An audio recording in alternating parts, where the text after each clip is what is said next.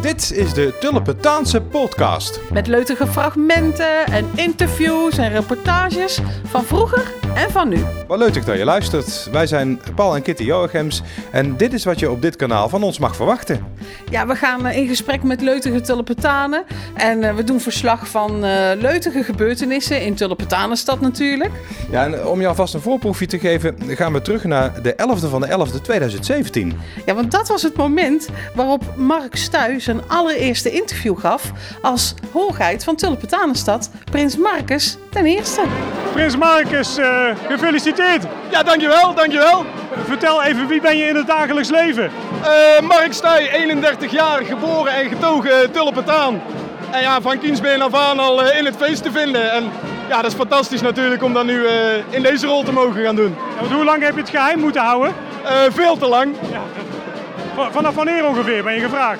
Eh, ja, daar gaan natuurlijk altijd een aantal maanden overheen. En ik denk dat het in de zomer is geweest dat ik eh te horen kreeg dat ik eh, ja, voorop mag gaan in de leut. Oké. Ja, eh, lastige taak lijkt me na zo'n goede voorganger, Prins Ruben. Ja, zeer zeker. Eh, er stonden natuurlijk eh, wel meer voorgangers eh, achter mij op het podium vanavond. En dat is natuurlijk prachtig om, eh, om meteen zo ontvangen te worden.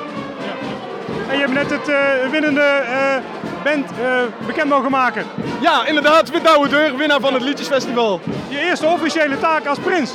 Zeer zeker. En eh, ja, de winnaar is daarmee bekend. Dus eh, ik denk dat ze een leuk nummer hebben. Ja, eh, zijn er ook bepaalde dingen die je eh, anders gaat doen dan eh, Prins Ruben?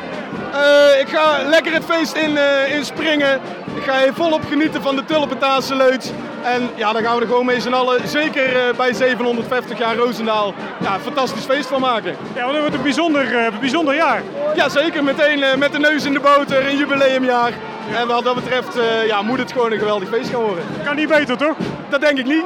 Zeker niet met een geweldige champetter en geweldige naar natuurlijk. Precies, en met zo'n eh, trio eh, moet dat helemaal goed gaan komen. En gefeliciteerd en eh, ja, veel leuk, we gaan elkaar tegenkomen. Ja, dankjewel. Eh, veel leuk ook aan alle Tulpentanen thuis. Wil je nou geen enkele leutige aflevering meer missen? Wat moeten ze dan doen, Paul?